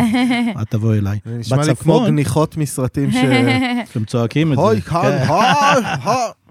ובצפון זה מות היי בא זו, אוקיי? ואז משיקים כוסות ושותים. אם אתה בחתונה, אתה שומע את זה איזה 400 די. פעם, כי אתה צריך להרים איך כוס עם היית כולם. בחתונה וייטנאמית? בוודאי, וואו. בוודאי. חתונות מעניינות, מהנות, מרתקות, הם אנשים משפחתיים. מעניין. משפחה. מה, אני אנסה לקחת אותך לשאלה קשה, כי את- אתה מייצג את וייטנאם הזה. אני וייטנאמי. תן לי משהו, תן לי משהו חרא בווייטנאם. מה מה יכול תראה, להוציא אין- אותך משלוותך? מה יכול לעצבן אותנו? אה, אה, תראה, אנחנו באים מ- מ- מסדר יום שונה, מפסיכולוגיה שונה. הרעש יכול להטריף אותך, כי קריוקי, קריוקי זה ערך אה, עליון. זה- שם, זה בווייטנאם? אוי ואבוי. זה שם ברחוב, אבל זה ארבע מוזר, הם בבוקר. ביישנים, הם מופנמים, אבל כן. קריוקי וצרחות. את יודעת מה הם שומעים שם? הו, כולם, הומר אדם. עומר אדם. כולם שם בעיני מירה מסיקה לפחות, עומר אדם, פול בוקסות, פול רעש. קריוקי. שתיים בלילה והכל. לכן, לכן, עבדך הנאמן גר רק במגדלים. אני גר בסוג של מגדל U, כן. קומה 38, לא סובל. מאוד, בריכה, doorman. הכל נורא, לא רוצה. להגיד לכם את המחיר, כי שקט. אתם נוטשים פה. אבל שקט. נוטשים double. glaze, שקט, אז זה- אז זה הדבר ש- ש- אני שהוא מכה נוטשת בך. עוד בלי המחיר. אז רגע, אז. אם אנחנו מדברים על- על פספורט קארד, השותפים שלנו לפודקאסט הזה, למה אנחנו צריכים אה, לעשות ביטוח נסיעות לחו"ל כדי אה, ל- ל- להתגונן מרעשים? אחד, אין ויזה בלי ביטוח. אתה חייב אה. ביטוח לקבל ויזה. זה חוק בעקבות הקורונה, וזה נהדר. חייב. דבר שני, shit happen. ובווייטנאם הוא קורה במינונים, בעיקר עם החבר'ה הצעירים. מה קורה עם החבר'ה הצעירים? וזה אני מבקש לא לעשות כמסר מאוד חשוב בהקשר של Passport Card שותים. והביטוחים. לא, לא, לא, לאו דווקא שותים. הקלות ל- לשכור רכב דו-גלגלי, אופנוע, היא מאוד קלה והיא מאוד זמינה. גם בלי רישיון. עכשיו, אתה נמצא שם, בדיוק, אתה נמצא במדינה של 46 מיליון, ואתה רואה את כולם על האופנועים, ואני טעיתי בטעות הזאת אחרי שעשיתי את הרישיון, ואתה חושב, אה, אם הוא יכול, אוקיי, הוא בן 12, הוא על האופנוע. כן. הוא בן 700, הוא על האופנוע, הזקנה לוקחת את הבאפלו על האופנוע. כן. הוא מעביר דירה, גם אני יכול. לא, אתה לא יכול. הם מכירים. וכמות, בדיוק, כמות התאונות, אה, קלות ולא קלות, היא עצומה בדו-גלגלי, ואחת הבעיות הישראליות הקשות זה אנשים שעושים טיולים דו-גלגליים, אחד, לא מיומנים, ללא רישיון, אה, ללא ביטוחים מתאימים, ובאזורים מסוכנים. ובאזורים מאוד, כי אה, זה דברים שלהם זה נראה טבעי. אני למשל טיילתי באי פוקוק, האי מדהים, ורכבתי על האופנוע, אוקיי? ועשיתי רישיון בארץ והתאמנתי, אני לא מיומן בדו-גלגלי, אבל הלכתי באי שטוח. וראיתי את כולם נוסעים לחוף מדהים אדום. יש שם חוף אדום שהאדמה היא חמרה, אוקיי? וואו. והם ברור, ב, וואו, בדיוק, סחבק אחריהם, ואני עם האופנוע, מאיץ טיפה, אני רוצה להגיע קודם והכל, ועפתי לקיבינימט, שברתי את. הכתף. למה? האדמה היא פודרה, היא אבקתית. אני, ב state of mind שלי, בנהיגה, לא הבנתי את זה, כי עברתי מכורכר ומכביש לאדמה שהיא אבקתית, והאופנוע עף. הם לא עפו, הם מכירים את המקום. כן. אני נפצעתי ופוניתי בפינוי רפואי עם ביטוח והפעלתי את הפוליסה. בקיצור, אז ביטוח. הדבר, ואני מנוסה, אני גר במקום. כן. אני לא רוכב יותר על דו-גלגלי, רק שתדעו, יש לי ג'יפ גדול, ונהנה ומטייל, כן. ובקטע הזה הביטוח הוא חובה, קודם כל מבחינת ויזה. הב... להגיע למזרח בכלל בלי ביטוח זה חוסר אחריות. כן. ובעיקר אם אתה עושה אקסטרים. אם אתה עושה אקסטרים, ויש כל כן. מיני כאלו שעושים אקסטרים, אנחנו בטיולים שלנו, דרך אגב, לא להזמין איתם, איתנו אקסטרים. אנחנו לא עושים אקסטרים בווייטנאם, אני ממליץ לכל מאזין לא לעשות אקסטרים לא לעשות באסיה. אקסטרים באופן כללי, זו מנטרה לחיים. מסכים לא, איתך למה לחלוטין. רפטינג, צניחות, אני- אז צלילות. ממ... צלילות קל, light, שנורקל אפשר. אה, יש שם סנפלינג מפלים בדאלאט, שהרבה עושים את זה. לא בטיחותי? לחלוטין לא. אנחנו אה, מפנים וואו. משם את הקוריאנים שנהרגו ואת הפצועים שהכל, אפילו לא יורדים למטה, אלא הולכים לעיקול הנהר לראות לאן שהם צפו. וואו, זה ממש כי חשוב להגיד ולדעת. והכבלים שמשתמשים בהם, זה לא תקני, זה לא אברסט, חבר'ה. זה לא המקומות של החברות המערביות. הם רוצים לעשות אקסטרים, ניו זילנד, אוסטרליה, קנדה, ה west, המערב, ההארדקור, לא באסיה. לא במזרח, לא מעניין באסיה. מה שאתה אומר. קיצור, חבר'ה, לעשות Passport Card, אה, לעשות ביטוח נסיעות, כמו לחלוטין. בכל מקום, ואם אתם רוצים לברר לב- ולשמוע עוד טיפה הרחבות, מה כן. הדברים המיוחדים ש... נקודה משיקה חשובה, שאני אעשה promotion לביטוח ול Passport, כך כן. שיגדילו את הצ'ק, צריך לעשות ביטוח מיד כשמזמינים את הטיסה, כי זה מבטח לך את הנסיעה. אנשים כן, לא יודעים את זה, כן. וזה משהו שאני כסוכן נסיעות, ואצלנו בווייטנאם 24/7, מאוד מדגישים לאנשים, תעשו את הביטוח מיד בהזמנה ומיד כרטיס, כרטיסי הטיסה. כי תקלות קורות, יש כן. מחלה במשפחה, יש איזה קושי, לגמרי. לכן הביטוח הוא מאוד חיוני. ביקרנו במוקד של Passport Card, ואתה רואה כאן שם במוקד, על הטלוויזיה, כל האירועים את כל שקורים. המקרים שקורים אונליין, בני. כמה, מאיזה מדינה ומה קורה, והדברים שאנשים חווים בחו"ל, פציעות, ופתאום ציסטה בגודל חמש סנטימטר יצא לבן אדם באמצע כן. טיול. כל יום, כל יום. אה, רק בישראל יש חברת חילוצים כזאת בינלאומית, אתה כן. יודע, לא נזכיר שמות, אבל רק בישראל יש את הדברים האלו. כן, כי כן, זה כן. טוב, באמת, כי אה, זה, אנחנו כן. טסים אנחנו ו... אנחנו אוהבים... ל- קוראים. לנו, קוראים לנו כן. דברים, אנחנו קוראים. מאוד אטרקטיביים. עם. שקורא. ל- בדיוק. עם שקורא. עם קוראים לו דברים. טוב, בואו נדבר רגע, אה, אה, אוכל? הגענו כבר לחלק לאוכל? הזה, כמעט, עוד לא. עוד לא. אנחנו Mm. בשלב של טיפה, ניסים הזכיר טיפה שמתחילים מהנונג, מהנוי ועוברים להלונג ביי וסאפה, ויש דלתת המקונג, ויש פונג נכון. האג בנק, פארק. וואטאבר. בואו ננסה להתמקד בשלושה מקומות. אה, ניגע ב... בשני הערים, ניגע גם ב- ניגע בשתי בשלוש, הערים. בשלוש, שלושת השערים לווייטנאם. למעשה, המדינה ארוכה, אז אמרנו, השער הצפוני הוא הנוי הנוי. לפילי הצפון. כן. בצפון חייבים לעשות את הנוי, חייבים את אלון ביי, חייבים את נין בין, נין בין זה הלונג ביי של על היבשה. תצפו בסרט קינג קונג האחרון, הוא צולם שם, פירקו את וואלה. הכפר שצולם, כי זה אתר שהוכרז על ידי אונסקו כשמורת טבע עולמית. וואו. שם חי אחד מהפרימטים הקופים הנדירים ביותר בעולם, הלנגור, קוף מדהים אם תצליחו לראות אותו, גדול, שחור עם חצאית לבנה, מאוד קשה לראות אותו, נותרו איזה מאה, תבואו, תבואו מהר, שלא תפספסו. כן, יש כמה כאלה בתל אביב שמסתובבים. כן, לגמרי, אבל חצאית אני. חושב כבר לא לבנה, אבל כן, אבל זה... אה, אה, סאפה, האזור האתני היפה, ועוד למתקדמים, לנו למשל עכשיו יש טיול מיוחד, טיול אופניים לכל וייטנאם. וואו. וייטנאם באופניים, טיול בלעדי מיוחד שלנו, וואלה. המחזור השלישי אני כבר מקווה מתמלא. שחשמליים. גם חשמליים, אה, במחיר וואלה. עלות, יש לנו גם חשמליים כן, עם שיכוך אפילו, גדול. ואז מטיילים באזורים מדהימים שנקראים מאי צ'או ופו לואונג. כשאתם, יש לכם שומר מסך של מייקרוסופט, נכון? כזה, כן. ואתם רואים תמונה שכאילו בחיים לא תהיו בה, שדות זה אורז, זה. הטרסות זה. וזה, אנחנו שם. אנחנו. בשומר מסך, תסתכלו בפינה, זה אני, זה המקומות האלו ומטיילים בהם. שזה אז- הצפון. אז אמרנו, הכנסת את כל הדבר הזה לת- לתוך צפון וייטנאם. צפון וייטנאם. זה למעשה סוג של טיול כוכב, כן. ולנים בו, כשאחד השיאים בטיול הזה, לא כולם רוצים לעשות את זה, זה לנים בספינה בהלון ביי, ושתים בנאים במשך 24 שעות. זה פיק אה, דובדבן רציני בקצפת אה. של וואו. הצפון, מאוד שווה, חוויה יוצאת דופן. אמ, איזה אפשרות לינה יש לנו שם בצפון? קודם כל, תעשיית המלונות היא נהדרת בווייטנאם. אה, אנחנו, זה מאוד חשוב לגעת בנושא הזה, יש שתי קטגוריות באסיה. יש מלונות אסייתיים ויש מלונות מערביים. כשאתה שומע מלון אסייתי חמישה כוכבים, תוריד שלושה. זה פחות או יותר העניין הזה. כל יום זה שני כוכבים, אז זה מינוס אחד, אוקיי? פשוט תלך על הזה, יש קטגוריה של זה. אנחנו עובדים רק עם מלונות מערביים בדירוג מערבי.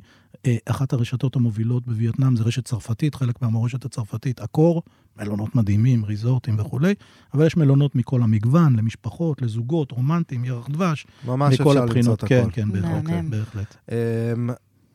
אנחנו, אנחנו מתמקדים רגע בהנוי, או שאנחנו... לא, אנחנו חשוב, הזכרת את פונה ואת המרכז.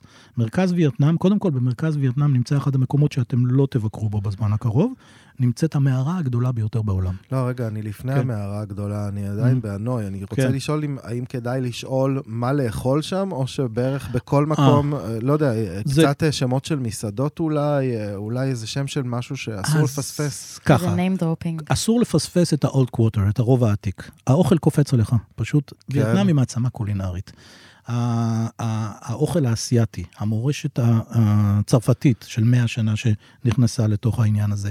המדינה העשירה כי יש 3,700 קילומטר חופים. תחשבו את הדגה, את וואו. הסיפוד שיש משם, את כל העושר. כן. ובצד השני, אזור מישור חוף לגידול, ואזור הררי גבוה לגידול. דיברנו על הקפה, על התה, על כן. הפירות והכול. אז הקולינריה יש להם הכל מהכל. הכל מהכל, ומאוד עשיר ומאוד טעים ומאוד זול. אבל יש טעם קודם לשאול כל- על מסעדה ספציפית, או אה, שזה תלכו אה, לרוב העתיק? תלכו- תאכלו ברחוב, פשוט תאכלו, חל- מי כן. שכמובן להיזהר, אבל ברוב העתיק לטעום את הדברים. קודם כל יקפצו עליכם הפירות. הפירות כן. מדהימים, טעימים, עסיסיים, מאוד זולים, והשייקים של הפירות. אבוקדו למשל בווייטנאם זה פרי, זה שייק, אתה כמו סמוטי, אתה שותה כן, כן, אותו כן. בעניין הזה. יש את הפרי המסריח שאנשים, אנחנו לא שאני מסוגלים. טעמתי כן, את זה, אני לא... את זה, אני? חשבתי שזה מנגו. וואו, כן. הוא נראה, הדוריאן, אחד, זה גביע, יש לך גביע, כן. עד כדי כך שסינגפור אסרה להכניס את זה למדינה. כן, זה כן. עבירה פלילית, אם אתה נכנס עם דוריאן פרי. אז... אה, למה לא עושים את זה עם אנשים ואוטובוס אצלנו? כן, לגמרי, לגמרי, דיאודורנט. כן. אז... אני אה, באמת אה, טעמתי כן. את זה בתמימות זה לגמרי, אל תיגעו בזה נורא. בחיים. אבל כן. זה מסריח, אבל הבנתי כן. שזה טעים. לא כן. טעים. הריח והטעם אותו דבר? לא, לא, לא, לא? טעים, כן, כן. אתה לא מגיע לטעם, כי אתה מתעלף כבר מהריח. כן. לא, לא, כאילו, זה- כן עילפון, עילפון כן, במקום. כן. אבל דיברת על המאכלים, המאכל שתמצא בכל מקום זה ההוטפוט. הארוחה בווייטנאם היא אירוע. זה האוטפוט לא... זה קורע. אתה יושב, אתה. מקבל, אה, אה, פותח גזייה, אה, יאללה, בישול, פתח את המטבח, אתה מקבל קרע עם גז. אתה מקבל סיר עם מרק, ואתה מקבל מגוון תוספות שבאופן עצמאי, אתה אתה והחברים מבשל במשפחה, בטוח. מבשל. ואז אתה מקבל עולם שלם של פטריות, אנחנו אפילו לא מכירים אותם. עולם הפטריות אדיר, ואתה שם אותם. ואם אתה רוצה עוד פוט על בסיס אה, דגים, אז אתה מקבל נתחי דג, סיבס, סלמון, דגים מקומיים. ממש נהדרים. על השולחן יש גז ממש כזה, ואתה מבשל... בדיוק, ויש מסעדות. קולינריה שהגז הוא מטורפת. חלק מהשולחן. אתה יושב, ויש לך כזה שואב מלמעלה לשאוב את האדים והכל, ואתה מבשל באופן עצמאי. איפה אוכלים במקומות כאלה? Hotpot בכל מקום. זה בכל- מאכל לאומי, בכל מקום. יש לא, ברחוב hotpot. כאילו, אה, ברחוב. Hot- ברחוב, בכל מקום, ה hotpot זה טקס, זה אירוע, זה בילוי, ערב. אתה יושב ערב, אתה, זה בדרך כלל, ארוחת הערב היא מוקדמת בווייטנאם, היא שש, שש וחצי, ואתה יושב שעתיים, שלוש, מבשל, מפפה את. הכל, וגם אתה מוסיף לך, חסר לך קצת מהתרד, מה morning spring, רוצה איזה שרימפס טוב, איזה לובסטר טוב, ומשלב. הכל זה. אה, הכל מהומד. זמין, בדיוק. DIY. כן, אה, אז. היינו בצפון, המשכנו כן. למרכז, מקודם טסנו, קטעתי טסנו אותך, למרכז, טסנו. כן. לאן- אז במרכז- לאן הגענו שם? אז אחד המקומות המיוחדים שמפספסים אצלנו, הנדנג. במה שנקרא שביל החומוס, יש בעיה תמיד של שביל החומוס הישראלי, כן. רואים בפייסבוק, רואים באינטרנט, לא, חבר'ה, גוגל הוא דוקטור לא טוב כשאתה חולה. והאינטרנט לרוב, בהרבה מהמצבים, המידע הוא חלקי או המידע הוא סינגולרי. בן אדם שטייל פעם אחת במקום אחד, לא יכול להמליץ על השוואות. כן. גם אם הוא כותב דיס המלצה או משהו כזה, הוא לא יכול להשוות כי הוא לא השווה את זה.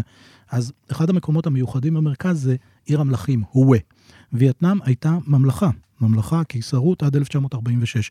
וישנה עיר מלכים מקבילה קצת לעיר האסורה, והיא במרכז וייטנאם. שם גם היה הגבול בין הצפון לדרום במלחמת וייטנאם, ה-DMZ, שהוא מאוד מעניין היסטורי. והעיר הזו יפייפייה, מאוד מרתקת, היא גם בירה קולינרית. הזכרת את הקולינריה? לנו שם למשל יש מסעדה שאנחנו עובדים איתה, שהיא פיוז'ן צרפתי ווייטנאמי, מנהל אותה כריסטיאן, שף, כבר מ-1995, שנשוי. לווייטנאמית.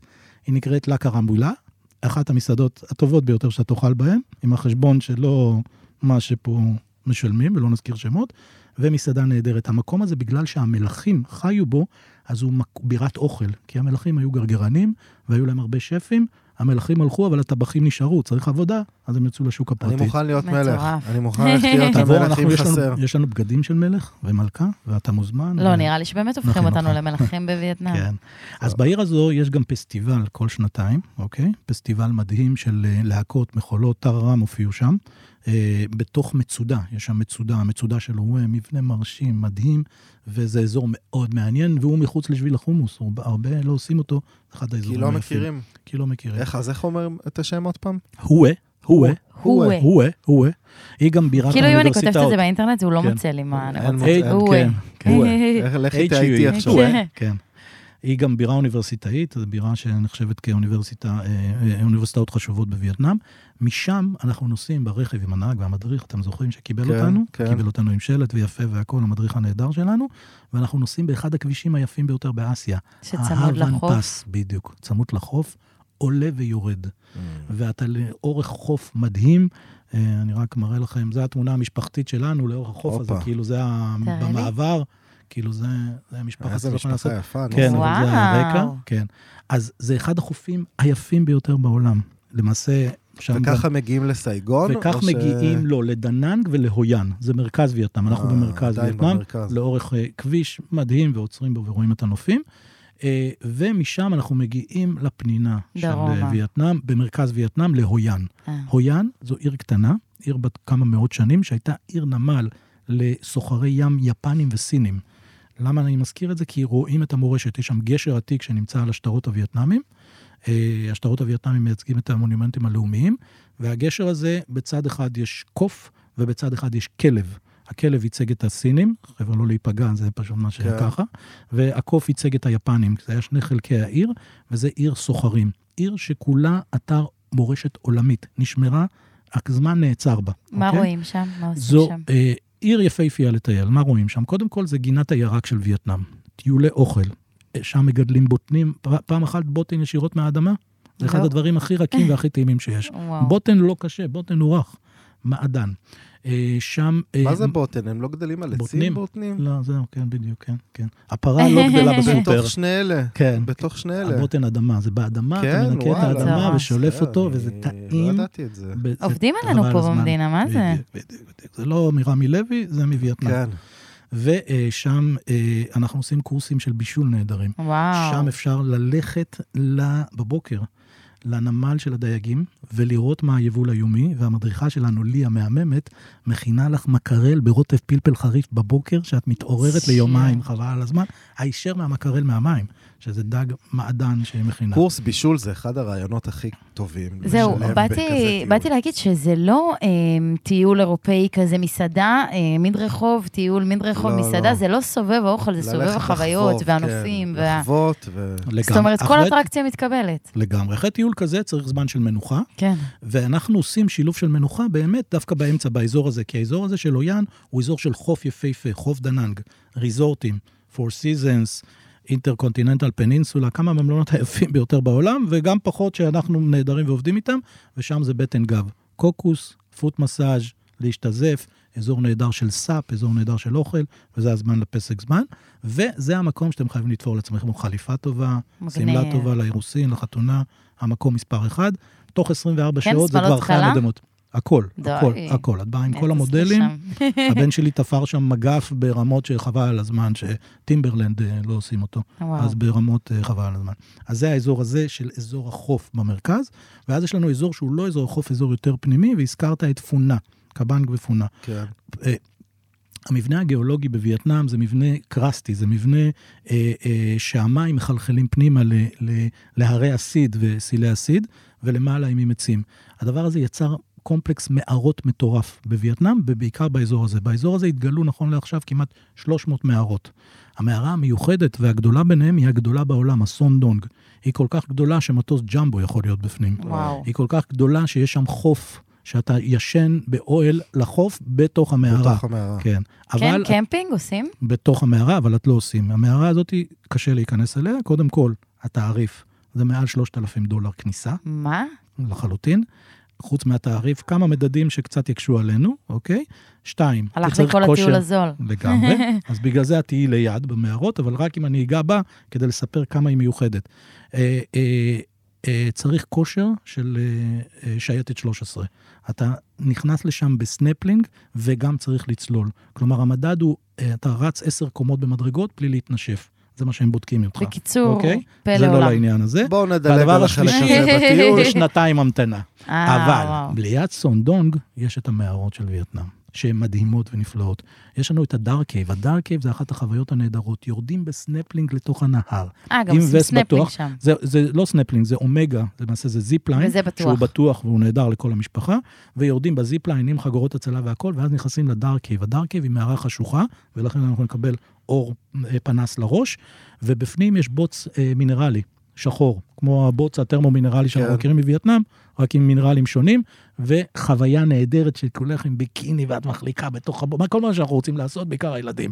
תחליקי בבוץ, תגלשי בבוץ, והוא טוב לעור גם כן, כלומר, זה. שזה בכלל אה, פלוס, buy one get one לגמרי. עושה אקסטרים, יוצא עם אור חלק. בדיוק, יוצא תינוק. בואו אז זה נשמע חבר'ה, אנחנו- מעניין אנחנו לכולם. חייבים להתקדם. יאללה. זמננו קצר, ואנחנו רוצים להספיק את סייגון גם. כן, אז אה, כן. איך... אז זה הבית, אז זה הבית. בואי אליי ניידיץ. כאילו אה, נוטה לשם. אני רוצה אני לשמוע, רוצה את הפארטי. לשמוע את סייגון, קצת כן. על סייגון, כי אה, לדעתי אפשר היה לעשות פרק נפרד רק על סייגון או רק על. הנוי. אז תן לי ממש בקצרה על סייגון, כן. מה אנחנו, מה מה מיוחד שם ביחס להנוי או לערים אחרות? אז ברוך הבא לסייגון, זה הבית שלי, אני גר כן. בסייגון כבר כמה שנים. אה, בסייגון אתה גר? בסייגון, אני גר... לא בהו צ'י מין? לא, הו צ'י מ... אז זהו, סייגון, הו צ'י מין. יש לה שני שמות. השם שניתן לה בניצחון, למעשה באיחוד, אה, הו 30 צ'י מין. באפריל 1975, וייטנאם אוחדה, כאות הוקרה למנהיג, שונה השם העתיק שלה, סייגון, זה השם העתיק, להו צ'י מין City. אה, אוקיי, אז זה יש אותו לה שני מקום. שמות, בדיוק. כן, מטורף. כן, כן. בדיוק. השם סייגון הוא על שם הנהר, חוצה אותה נהר ענק, שנקרא סייגון, זה שם קדום, וזה החוויה. סייגון זה עיר ללא הפסקה. סייגון עיר בת למעלה מעשרה מיליון תושבים, לא יודע איך הרגשתם, עיר של למעלה מעשרה תושבים, 25 רבעים. הכל, בכל, בכל מתקפת חושים. אבל כלומר, היא מערבית יותר אז, היא? אז היא, היא מגוונת. בגלל ש-25 רבעים, אז למשל רובע מספר 1 היה רובע הממשל של הצרפתים. אתה מגיע לרובע מספר 1 ואתה אומר, בוא'נה, אני בכיכר פריז, כי היא נקראת כיכר פריז והיא נראית כמו כיכר פריז. די. אתה בקתדרלה מפרובנס, שמפרובנס, אתה נמצא ליד בית הדואר היפה ביותר בעולם. מי, מי בנה אותו? מי תכנן אותו? אוקיי? הצרפתים. מסוף המאה, ולא סתם הצרפתים. לצבא הצרפתי היו אזרחים עובדי צה"ל, נכון? כמו אצלנו? כן. אז אחד מהאזרחים עובדי צה"ל שלהם היה גוסטב אייפל. מגדל אייפל? כן. אז הוא תכנן אותו. אה. אתה רואה את הקורות פלדה בתוך בית הדואר. עוד דבר שהצרפתים עשו, היה להם כנראה מנואל הכיבוש. כבשת מדינה, מה אתה עושה? ארבעה מדינות, נתקלת. מה אתה עושה? צרפתים נהנתנים כמובן. אחד, דת, הם היו מאוד קתולים, אז הקימו קתדרלה מדהימה. שתיים, צבא צריך תקשורת. בנו בית דואר מדהים, מהיפים ביותר בעולם. שלוש, קולטורה, ומה הם עשו שם? בית אופרה, שאתם עוברים בזמן. 1898, תדמיינו את עצמכם בפריז עם השמלות. איזה לא קשור, זה. כנסייה, קתדרלה ל- לחלוטין. מזרח. דיסוננס מטורף, ובבית האופרה יש לנו. הופעה מדהימה, האו-שואו. למעשה זו הופעה אקרובטית של וייטנאמים, זה הניגודים שמראים את חיי הכפר. אז בבית אופרה באקרובטיקה, עושים אקרובטיקה בבית של האופרה, וייטנאם. וייטנאמי, בדיוק, הכי עושים סמלי. דווקא. והדבר הרביעי שהצרפתי צריך, איך הם לא מרשים לעשן? שם היית יכול כן, לקבל את כן, החוויה כן. הזאת, היא. מכופלת. אתה יושב כזה, פריז, מה אני, קשור אני עכשיו וייטנאם? אגע בזה, כי זה חלק מהטיול בסייגון. והדבר הרביעי שצרפתי צריך, זה המנוחה והנהנתנות. ואז הם בנו את הארמון, Hôtel de Ville, למעשה ארמון המלוכה, שהיום הוא בניין המפלגה. המפלגה הקומוניסטית נהנתה, וזה הבניין שלהם, אז זה לב הרובע. קצת, טיפה, בצד הרובע הצרפתי, אתה מגיע באמת למה, מה, למה הנושא הזה של העישון. חלק מה, מהדבר הנורא שהיה ב, במזרח בעבר זה האופיום, ייצור האופיום. למעשה המדינות השולטות, הקולוניסטים, הבריטים, הצרפתים, כן. השתמשו באופיום לסחר, גם לאירופה וגם להשתלט. אז יש שם אזור מקסים שנקרא ה-refinery. אתם ממש תראו איך מקומות שבמקום שזיקקו את האופיום, מה זה ו- אופיום? אופיום זה סם, זה סם זה שמצמח ה- הפרג, אוקיי? שיצרו אותו, איבדו אותו, והוא סם מאוד מאוד חזק, מאוד ממכר, שמכרו אותו בגלילים, בצמיגים. אה. בסוף הפרק למעשה... אני אתן לך לנסות. בדיוק. אז, אז זה המקור גם כן, או מה שהיה קשור, אתם למעשה רואים את הבנג, את כלי כן, העישון. מטורף. שכנראה יש לו זיקה לתקופת אה, מלחמות האופיום. היום מעשנים בו רק טבק, טבק מאוד מאוד חזק וייטנאמי, אבל את זה תראו בכל מקום אה, וייטנאמי, מונח בתור דלי של צבעי, כדי שזה יעמוד, כן. ומעשנים את זה בכיף. אז זה הנושא של האופיום, הריפיינרי, מקום נהדר למסעדות. הקבוצות שלנו, המטיילים שלנו שמגיעות, אוכלים שם במסעדה מיוחדת שיש בה גם קורס לא בישול. נותנים להם. שחטה טיפה? לא אצלנו, לא לא, לא, לא, לא היום? לא מחר, בדיוק, חבל, אתה רוצה לחזור הביתה בשלום, לא בווייטנאם. ומסביב לרובע האחד יש לך רובעים בכל מיני אופי. למשל, אחד המיעוטים, שם זה מיעוט הגדול באזור הזה, זה סינים. סינים שהגיעו לווייטנאם לפני 200 שנה, 300 שנה, וואו. וזה רובע חמש. וברובע חמש יש את צ'ולון, Chinatown? סוג של Chinatown. ושם יש שוק מדהים, הצ'ולון, צ'ולון market. חוויה של חושים, של טעמים, של מחירים, של מאכלים, בא לי וזה השוק לצ'ולון. הסיני. הכל זה. הכל זה Chinatown, חשבתי על זה. כל כן. האזור הזה בכל עיר יש Chinatown. זה Asiatown. לא, זה וייטנאם town, כן. תגיד, בוא נדבר טיפה רגע על, אמ, על ה... מה החובה לאכול? יש איזה מנה בווייטנאם שאני. חייב, אה, מנה אחת שאסור לפספס? כן, זה די, 15 אבל קילו יותר. מאז שהגעתי לווייטנאם, זה ב overweight שלי יש בדיוק. פשוט מלא מלא אוכל, כן. ונגיד pork belly, שזה אחת המנות הכי זה, אבל מה הפלאפל שלהם? מה אני חייב... אז ככה, קודם כל, בגלל שזו מדינה שהאוכל הוא ברחוב ואין לנו את המקררים, או תרבות המקררים, כן. אז המדינה הזאת היא מאוד חזקה במרקים. אוכל שהוא safety food, והוא מאוד טעים והוא מזין, כי ה- כמו החברה... ראמנים לא, כאלה? הפה, הפה, פה. הפה, הוא המרק מרק הלאומי. ויש פו לכל אזור. לכל אזור יש את המרק שלו, והוא מרק מאוד מיוחד. מרק מאוד עשיר, מבשלים אותו כל הלילה בסירי ענק, עם ציר בשר, עם ציר... יש לנו שני סוגי פו למעשה. הפו גה, הוא מבוסס על עוף, גה זה עוף, כן. והפה בו, בו זה בקר. ואז הבקר או הבנתי. הבפלו יכול להיות, וזה המרק הלאומי. מנה כזאתי מסדרת אותך.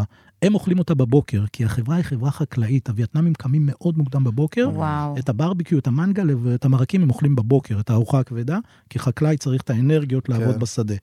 ואז הם אוכלים מאוד מוקדם. צהריים זה 11 וחצי, 12, ברזל, כולם. אוכלים, נרדמים, ישנים. באמת? שלב שטונדה, הולכים ל- לגמרי. לשנץ? נופלים לשנץ, שעה, חבל על הזמן, טוענים את הסוללות, ממשיכים בעבודה מאוד מאוד הם חרוצים, יודעים מה טוב. ובשש ארוחת ערב. ארוחת ערב מוקדם, לא אוכלים מאוחר. בשש זה הם אוכלים הנושא קצת הלאומי. אורז, קצת... אה, אז לא, אז לאור, לאורז, האורז הוא עולם שלם, יש כמה סוגים, יש יותר כן. משישה, שבעה סוגים. מנה נהדרת שבהנוי, ברובע הקטן, אולי תמצאו אותה, זה הסוי גאה. סוי גאה, סוי זה אורז, גאה זה עוף, הזכרנו, אז יש להם אורז מיוחד שבור, עם בצל מטוגן וחתיכות רצועות עוף שהם מקפיצים. יואו. אחת המנה, אתה מקבל את זה. בצלוחית, זה ממש לרייר עליה. די, כבר צהריים והוא עושה ואז הם לי מגישים. לך את זה בצד עם מלפפון כזה טרי, אבל טיפה מוחמץ, הטרי, כן, לא, לא כן. הפיקל כמו שלנו. וזה מאזן לך את הטעמים, אתה יודע, מרענן מה את הטעמים. הקינוח שלהם? הקינוחים, קודם כל, כל טפיוקה. יסחב בשדה התעופה, אתה תראה אותם כולם לוקחים קופסאות בשדה התעופה. וייטנמי שהוא בא אליך לכבד אותך, מקצה העולם לקצהו, הוא יביא לך פירות. וואלה. הפירות. הווייטנמים אוכלים פירות, והפירות אצלהם זה מתנה מכובדת. אל תביא לי שוקולד, תביא לי כן. את הפרי של המדינה שלך. תכל'ס צודקים. למשל, עשיתי וידאו עם העובדים, ובמקרה אכלתי מישמיש. ואין מישמיש בווייטנאם, הרי מישמיש זו עונה מאוד קצרה. כן. הם עפו על זה. עכשיו, העונה נגמרה, איך אני אביא להם? והם רוצים את המישמיש. הפרי, הפירות הם מאוד חשובים, ויש לנו פירות עולם שלם. וואו. בטיול לי הקולינרי על, שלנו, אה, אנחנו עושים טיול קולינרי מיוחד על וספות, עם מדריכים על וספות, באים, לוקחים אותך מהמלון, ובסמטאות הקטנות עושים טיול אוכל. מדליק, עוצרים בכל מקום, טועמים פרי, אוכלים שייק. אני אוהב את זה שהם אוכלים והכל שם, יש טקס. כאילו, אתה לא סתם תיקח איזה ספרינג רול ותטבול ברוטב, לא, אתה צריך לעטוף אותו עם החסה, ולשים לו עוד איזה נכון, משהו, נכון, יש ולתת הכנה, בדיוק, יש הכנה במקום. ועלים, כן. ולטבול ברוטב עם הצ'ילי, ואתה ממש מארגן לעצמך ביסים. אז עוד, הנדסת ביסים. כן, עוד דבר שקשור לאוכל ולהתנהגות באוכל, אוקיי? יש דברים שליליים, אמרת לי, מה מבאס? כן. מה מבאס? הם מצקצקים. בעיקר הצפוניים, כשהם אוכלים, מטריף אותי, לא מתרגל. תתרגלו לזה, חבר'ה. הם משמיעים. יש לזה כנראה סיבה גם של אה, הרוק מפרק את האוכל.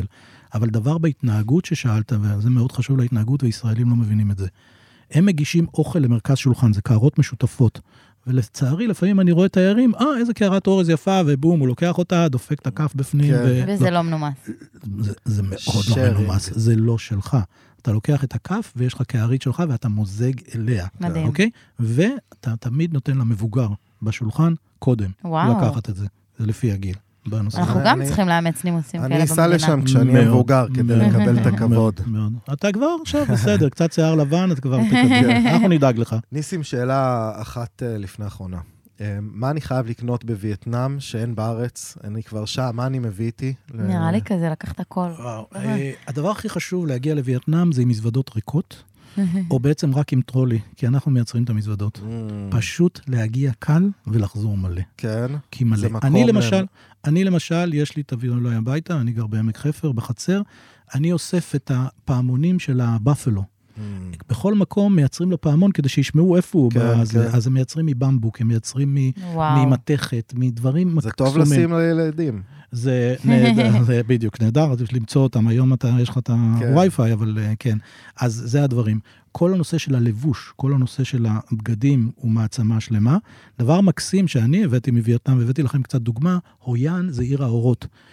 מייצרים מנורות יפהפיות, זה המנורה בהויאן. את זה מייצר זוג בני 80, וכל. זה עשוי מבמבוק בפנים, וזה עבודת יד. גדול. זה חלק מהסדנאות שאנחנו עושים. דבר כזה שדלוק בערב, ואתם תראו את זה, זה אחד הדברים היפים ביותר. אז אה, אה, מהבחינה של אה, שופינג או מה לחזור, פשוט הכל. לבוא ריקים ולחזור מלאים. אנחנו נמליץ לכם. טוב, ניסים, אנחנו מתקרבים לסוף. היה לנו טיול, אני חושב שלא, על קצה המזלג ממש. אני חושבת שזה הפרק היחידי שהמוח שלי כאילו... המוח לא הפסיק להשתולל, ואני בראש איתו. חווה טעמים, מה ואתה יודע, יש לך את ה-. היינו מרותקים. האהבה ל- ליעד הזה. אה, אז איך נגיד, אה, נגיד אה, סינצ'או, נכון? סינצ'או, קמאון.